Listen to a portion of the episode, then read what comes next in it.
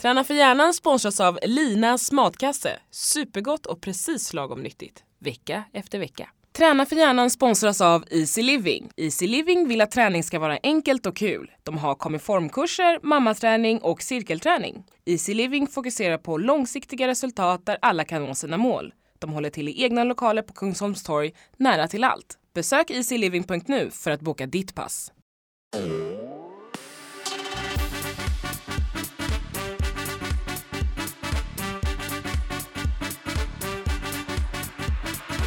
Ny bok här. Med det viktiga ordet innan. Fördel ADHD. Ja, exakt. Eh, det där är en bok som handlar om ADHD och vad det är egentligen. De drag vi kallar ADHD och varför de har varit väldigt viktiga för oss historiskt och varför de fortfarande är det och varför det finns fördelar förknippat med, med det vi kallar ADHD. Jag tror att vi i lite för hög utsträckning glömmer de fördelarna i vår tid. ADHD innebär att man har koncentrationssvårigheter och problem med impulsivitet och hyperaktivitet. Och det här är inte så att det är antingen eller, att man har 100% av det här eller inte har någonting, utan de flesta har de här problemen, mer eller mindre, eller har de här förmågorna mer eller mindre. Ju superkraft här. Ja, precis. Och, för, och, och man ska inte bagatellisera ADHD, för det kan innebära jättelikt handikapp för vissa, så är det solklart. Men det är också så att de här dragen då vi kallar ADHD, de har visat sig vara personer som har mycket av dem har en del andra drag som vi ser som mer fördelaktiga ofta, som att de är mer kreativa. Och så. Alla är inte mer kreativa, men många med ADHD är mer kreativa. En del har en enorm förmåga att koncentrera om de kan hitta något som är tillräckligt intressant. Det brukar man kalla för hyperfokus. Jag har ju mycket hockeykompisar som eh, är väldigt, väldigt duktiga och de känns som de har en släng av det. Ja, men så, jag tror också att det är så. Många idrottare eller elitidrottare, de har väldigt tydliga drag av ADHD. Och anledningen till det tror jag är att de har fysisk aktivitet är enormt viktigt om man har mycket drag av ADHD. Det förbättrar koncentrationen för alla, men det gör framförallt det de som har ADHD eller mycket drag av det. Så jag tror att de personerna har känt hela livet att de mår, funkar mycket bättre tankemässigt om de är fysiskt aktiva. Och det kanske har varit det som har drivit dem från första början. Då. Så jag vill inte bagatellisera ADHD med den här boken, men jag vill förklara vad det är, vad det har spelat för roll hos oss människor historiskt och vilken roll det spelar idag och varför vi i allt för hög utsträckning tror jag missar fördelarna förknippat med det här. I skolan är det lite grann one size fits all. Där De här dragen kanske inte alltid har Folk som har haft de här dragen har inte fått utväxling på sina positiva egenskaper. Och det är synd, för om man presterar dåligt i plugget då, blir man, då presterar man dåligt den första gången man ska jämföras med andra. Och det kan man få dåligt, livslångt dåligt självförtroende av. Så Men är det inte ett väldigt brett begrepp ADHD? Jo, det är enormt begrepp, eh, brett begrepp, precis. Och folk för, kommer och säger sig, jag vill veta om jag har ADHD, som om det skulle finnas ett svar ja eller nej på det. Mm. Och det gör det oftast inte, för att de här ADHD är som sagt problem med koncentration, impulsivitet och hyperaktivitet. Och det har alla problem av mer eller mindre. Vissa har nästan inga sådana problem alls, andra har mycket sådana problem. Och en Skulle del har man kunna jättemycket. klassa det istället här 1, 2, 3, 4, 5? Man skulle kanske kunna göra det, och det, och det är, men det, är, det finns ju inga blodprover som visar om man har ADHD. Det finns inga röntgenundersökningar och det här, utan det här är ju liksom intervjuer och det här är ju subjektiva alltså, symptom som folk har mer eller mindre. Och, och det, det många tror är att det är väldigt exakt därför att det är en medicinsk diagnos. Så de kommer och så säger de, jag vet om jag har ADHD, som om det fanns ett svar ja eller nej. Och jag brukar säga det att en del tror att det här är exakt då, bara för att det är en medicinsk diagnos. Om man jämför med en annan medicinsk diagnos, HIV, så kan man liksom inte ha lite HIV. Antingen har man HIV eller också har man inte. Det finns ingen mellanting, men man kan i högsta grad ha lite ADHD. Så det är en stor gråskala. Och det som jag tror har hänt de sista åren är att vi har börjat sortera in fler och fler på den här gråskalan på ADHD-sidan och börjat se alla koncentrationssvårigheter som ADHD. I Stockholm så har numera 10% av alla tonårspojkar diagnos. Det är rätt mycket. I USA så är man snart uppe i 15 procent och sådär. Men är det inte också att man har liksom uppdagat det här? Förr i tiden Jo. så var det så här, men du får specialklass. Ja, exakt. Så, så, så är det naturligtvis också. Och det är toppen. Man ser de här problemen för att, att de finns och stigmat försvinner och de här personerna får hjälp. Och det är toppen.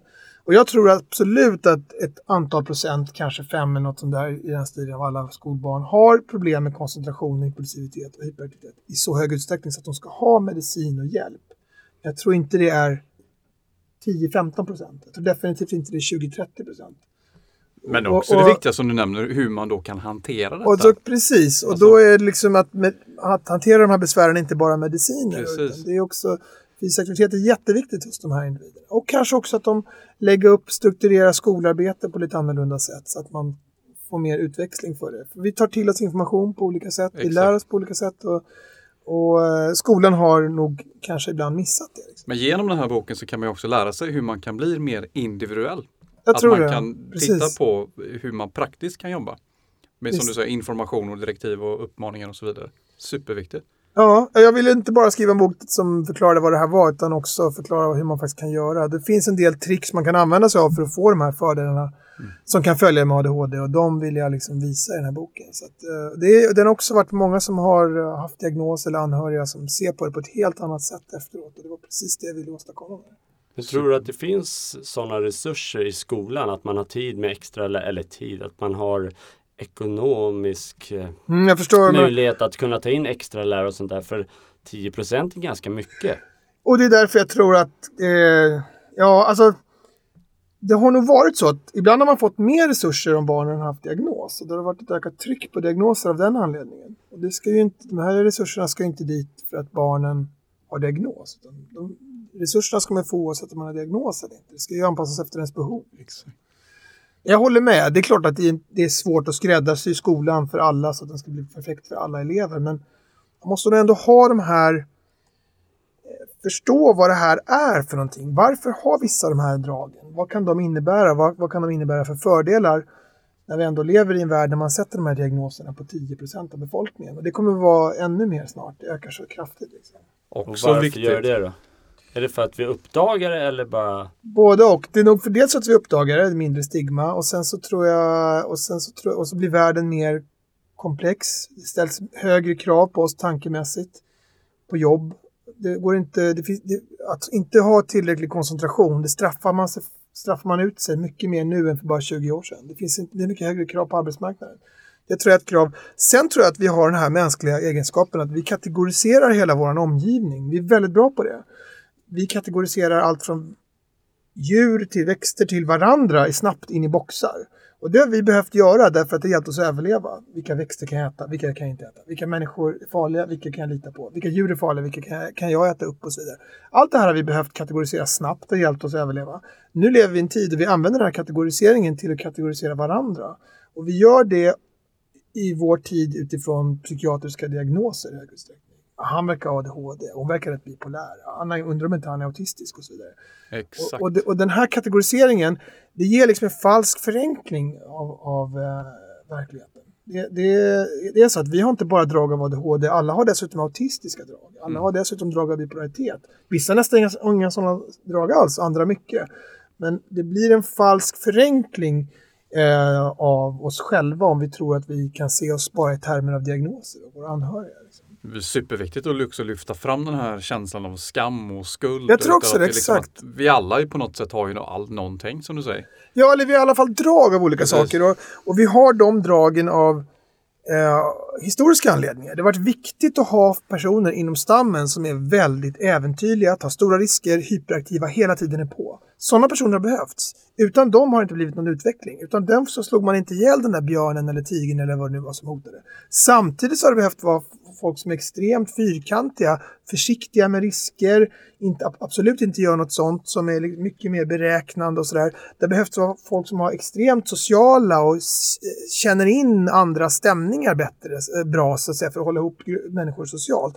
Alla de här funktionerna behövts i de grupper av människor som vi har levt. Men det Och- behövs ju fortfarande och de på behövs stora fortfarande. företag, tänkte jag. Stora företag. Alltså, rollfördelning det väl?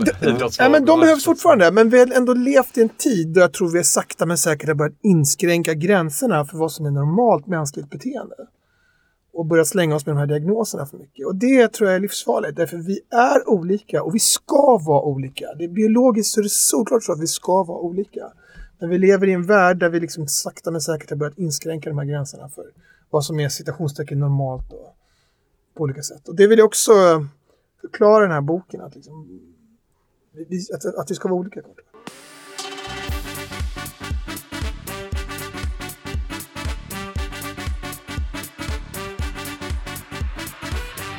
Träna för hjärnan sponsras av Simor. Simor är en streamingtjänst där du kan streama filmer, serier, tv-program och sport helt utan reklam. Du kan också livestreama alla SVT och TV4s kanaler precis vart du vill. Träna för hjärnan sponsras av Linas matkasse. Supergott och precis lagom nyttigt. Vecka efter vecka. Men om man kollar på ett företag så är det väl de kreativa, kreativa människorna håller väl på med det och de Visst. mer aktiva de gör ju något annat på bolaget. Så det här har väl ändå vi tagit med Jo, oss in i nutiden. Så är det ju.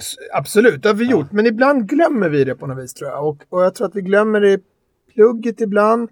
Vi glömmer det vi glömmer det nog även i arbetsliv och annat att vi, att vi är olika och att vi liksom har de här den här bredden i mänskligt beteende som finns där, som måste finnas. Jag tror att vi, för, det är klart att vi använder oss av det också, men Ja. om man tar barn med ADHD så trodde man tidigare att ADHD växte bort och att det fanns bara hos barnet, som försvann, fanns inte när man var vuxen. Men det är inget, så verkar det inte vara, utan de här symptomen finns kvar när man blir äldre. Hyperaktiviteten brukar försvinna, men rastlöshet, informations, eller koncentrationssvårigheter och så finns kvar. En anledning till att fler barn har diagnos med ADHD än vuxna, det skulle kunna vara att som vuxen kan man i lite högre utsträckning välja sin omgivning. Man behöver inte sitta och vara revisor om man har svårt att koncentrera sig. Du kan välja ditt liv på ett annat sätt som vuxen än du kan som barn. Det tror jag är, därför måste man kanske redan hos barn också bli bättre på att låta alla hitta sina respektive talanger. Liksom. Snyggt. För jag kan ju själv känna så här, några platser där jag verkligen mår väldigt bra. Det är när jag åker ut till landet Mm. själv, plockar lite pinnar eller bara klipper gräset med så här musik på, på hörlurarna. Då är jag verkligen så här, hittar ett lugn och Mm. mår verkligen, verkligen bra. Mm. Och det, är- det Jag är håller med dig. skumt. Ja, Eh, fast är det egentligen? Jag menar, vi, du- du går säkert runt och, är, och jobbar eh, vansinnigt mycket och är hela tiden exekutiv. Du ska göra saker liksom. Först ditten, sen datten, sen ska vi träningslokalen, sen ska vi spela in här podden, sen ska jag hämta det där, sen en julhandel eller vad det nu är för någonting. Och, eh, och hjärnan är... Tittar man på hur folk har levt. Om, om tittar, vi människor har varit jägare samlare under nästan hela våra tid här på jorden. Så har det varit historiskt. Då. Och, och det är det livet vi är utvecklade för. Kollar man hur de få jägare och samlare som finns i världen, för det finns några grupper kvar, hur de lever. De jobbar inte 8 timmar per dag, eller 16 timmar. De jobbar 3-4 timmar per dag. De är aktiva under jakt och liknande. Och sen så chillar de. Fan, det här ska man ta anställning alltså. Ja, men de, de, de tar det lugnt och de umgås med andra och, eh, eh, och sen så har de ett par timmar där de jobbar. Och, så, och, det, och det är det hjärnan är utvecklad. Den är inte utvecklad för att vara exekutiv 16 timmar per dygn, göra ditten datten. För en del funkar det bra, återigen. Men för många funkar det inte bra. De kommer inte att må särskilt bra av det.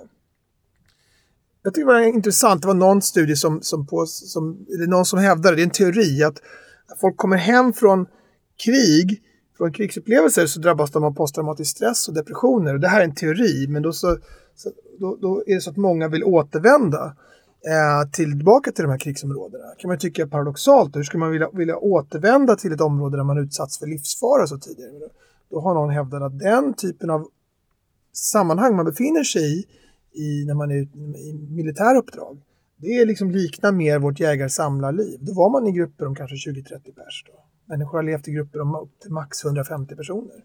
Så, så, så, så det här, vårt naturliga sätt att vara i ett socialt sammanhang, det kanske är med färre personer som vi är närmare hela tiden. Liksom. Vi ska inte sitta ensamma i lägenheter, stressa 16 timmar per dygn och så vidare. Det är en väldigt onaturlig livsstil för oss. Och när du kommer ut på landet då, då ger du gärna tid för den här tiden för avkoppling som den behöver. Men, men jag tittar ju ibland på, på tv och kollar på dokumentärer. Det är ganska coolt. Och de här engelska vad säger man, fängelsefilmerna. Där är det ju många som sitter och de är rädda för att bli utsläppta efter då 10-15 Mm. år. Just för att de har, de har ingenting. Så Nej. gör de något nytt brott eller så kommer de in. Är det också samma sak? Att Jag vet liksom- inte, jag vågar inte svara på det. Men, eh, men just det här att, det, det är en teori, men liksom att, att vara, leva nära en andra som är en ganska begränsad grupp, då, som man känner väl, det tycks buffra mot psykiska besvär. Då. Det skulle kunna förklara varför folk, de krigsveteraner ändå återvänder till den situationen som de tyckte varit överjävlig tidigare. Hur kan man vilja återvända till ett fängelse? Ja, Kanske är det så att man upplevt det tryggt, att man känner de andra. kanske finns en sån dimension i det. Det där är spekulation, men jag tror att den viktiga poängen här är ändå att vi är inte byggda för att vi upplever en stress som är onaturlig för oss. Och när man loopar ur en vecka, en helg på landet eller vart man åker och bara klipper gräset eller chillar eller gör ingenting. Då, det är nyttigt för oss. Liksom. Vi måste kanske till och med schemalägga lite dödtid. Då, då, tror jag. Ja. Men din dödtid har vi ju ändå förstått här. Det är att små korta resor. Ja, Sätta telefonen i flygplansläge ja i tre exakt. timmar. Ja, Eh, träna tennis. ja, Eh, löpning. ja. Spela gitarr också. Gör du? Ja. Kan vi slänga in en liten låt? Kan vi få höra? Har du någon på Spotify? Nej, det har jag inte. Gudskelov. Nej, alltså jag har spelat, jag spelat sedan jag var typ 14. Och jag tar lektioner, jag gjorde det då, sen så låg det ner ett par år. Nu så har jag en uh, grym studiemusiker som heter Morgan Lydemo som är fantastisk, som jag går hos en eller ett par gånger i månaden. Sjunger du också eller? Nej. Nej. Tyvärr. Jag kan inte ta en ton, men, men jag tycker det är otroligt avkopplande att sitta och spela. Det är bara timmarna bara försvinner. Det är grymt skönt att spela. Men kan du inte skicka över en liten trudelutt? Ja, jag har ingenting som jag har skrivit. Om jag hade skulle jag aldrig offentliggöra. Det här Det är här min... tar jag med album direkt. Ja, gör det. Du får göra det. Hur ser det ut framåt då? Några nya böcker på? Ja, men jag har några saker jag pillar med. Vi får se, om, om, vi får se vilken form det, det kommer komma ut. Jag har inte riktigt bestämt. Men eh, jag håller på att pilla med några grejer. Liksom. Sen har vi podden som jag och Simon håller på med lite grann. Berätta lite om den. Den är, jag och en kollega som heter Simon Kjaga har en podd som heter Psykiatriker. Där vi träffar, egentligen så var bakgrunden att vi ville träffa personer som vi tyckte var inspirerande och som kunde lära oss mer om forskning. Liksom. Och då sa vi, hur får vi göra det då? Vi, vi hittar något sätt, vi skriver någon rapport om det så får vi någon att sponsra det där. Så sa Simon det, men det är ingen som läser någon rapport. Liksom. Vi gör en podd istället. Det här var ett par år, det var tre år sedan. Och så bestämde vi oss för att göra det och så fick vi ett läkemedelsbolag som sponsrar det där. Och så åker vi runt och träffar olika forskare i världen som vi bara vill tycker är spännande personer. Och, eh, och många av dem träffar vi i Sverige också. Men då har vi fått otroligt bra gäster. Vi har haft Richard Dawkins har varit med två gånger. Vi har haft Nobelpristagare med. Och, och, och, numera så är det, jag det, det är över 100 000 lyssnare per avsnitt har det varit. Det är helt, det är helt, helt otroligt. Vi trodde det var väldigt, eller det är ett nischat område. Eh, som vi trodde bara några få hundratals personer var intresserade av kanske. Men det är 100 000 nu och det är skitkul. Och numera tackar ingen nej till att vara med. Så det där gör vi på vår fritid. Men det är superkul att bara, men den här personen vill vi snacka och diskutera med. Så läser vi boken eller sådär, så sätter vi och pratar med. Det är grymt. Ja, det är, det är toppen. Men, men hur ofta kommer du En gång i månaden. En gång i månaden? Mm. Ja. Spännande. det är allt ja, jättebrett med ämnen, men allting är kopplat till hjärnan på något sätt då. Ja. Så, men annars är, vi ganska liksom breda. Vi tar in folk som vi tycker är spännande att prata med. Coolt, det Ja, här det- måste jag gå in och lyssna Ja. på direkt alltså. Ja, Ja, grymt. Vi är jättetacksamma för att du tog dig tid. Du nämnde Ja. det här med maraton förut. Vi tog ju dig på mar- maratonmetoden. Ja. Ja. Ja, nej, det, det var en tajt... Eh, så att jag inte hunnit tidigare. Ja, får- Men, Man får ju aldrig ge upp vet du. nej, men det är bra. Det är helt rätt. Men jag, det har varit mycket under hösten och det har varit mycket... Jag har försökt få ihop det med jobbet som läkare så här också. Så jag har haft svårt att komma undan. Om man har lyssnat på det här avsnittet och känner så här, men det här verkar ju en eh, fantastisk människa, jag vill boka en föreläsning. Hur kommer man tillväga då? Då, jag har en bokningsbyrå som sköter det där. Ja, Som heter Speakers and Friends. Man kan hitta på nätet. De håller i alla föreläsningar. ja. Om man vill boka en tennismatch mot dig, går man in där också? Ja, ta det via dem också. Gitarrlektion kanske. Nej, superstort. jag är ingen tennistränare. Det finns mycket bättre sådana. Ja, det är grymt. Vi är jätte, jättetacksamma Ja. för att du tog tid. Tack snälla. Ja, kul att komma hit.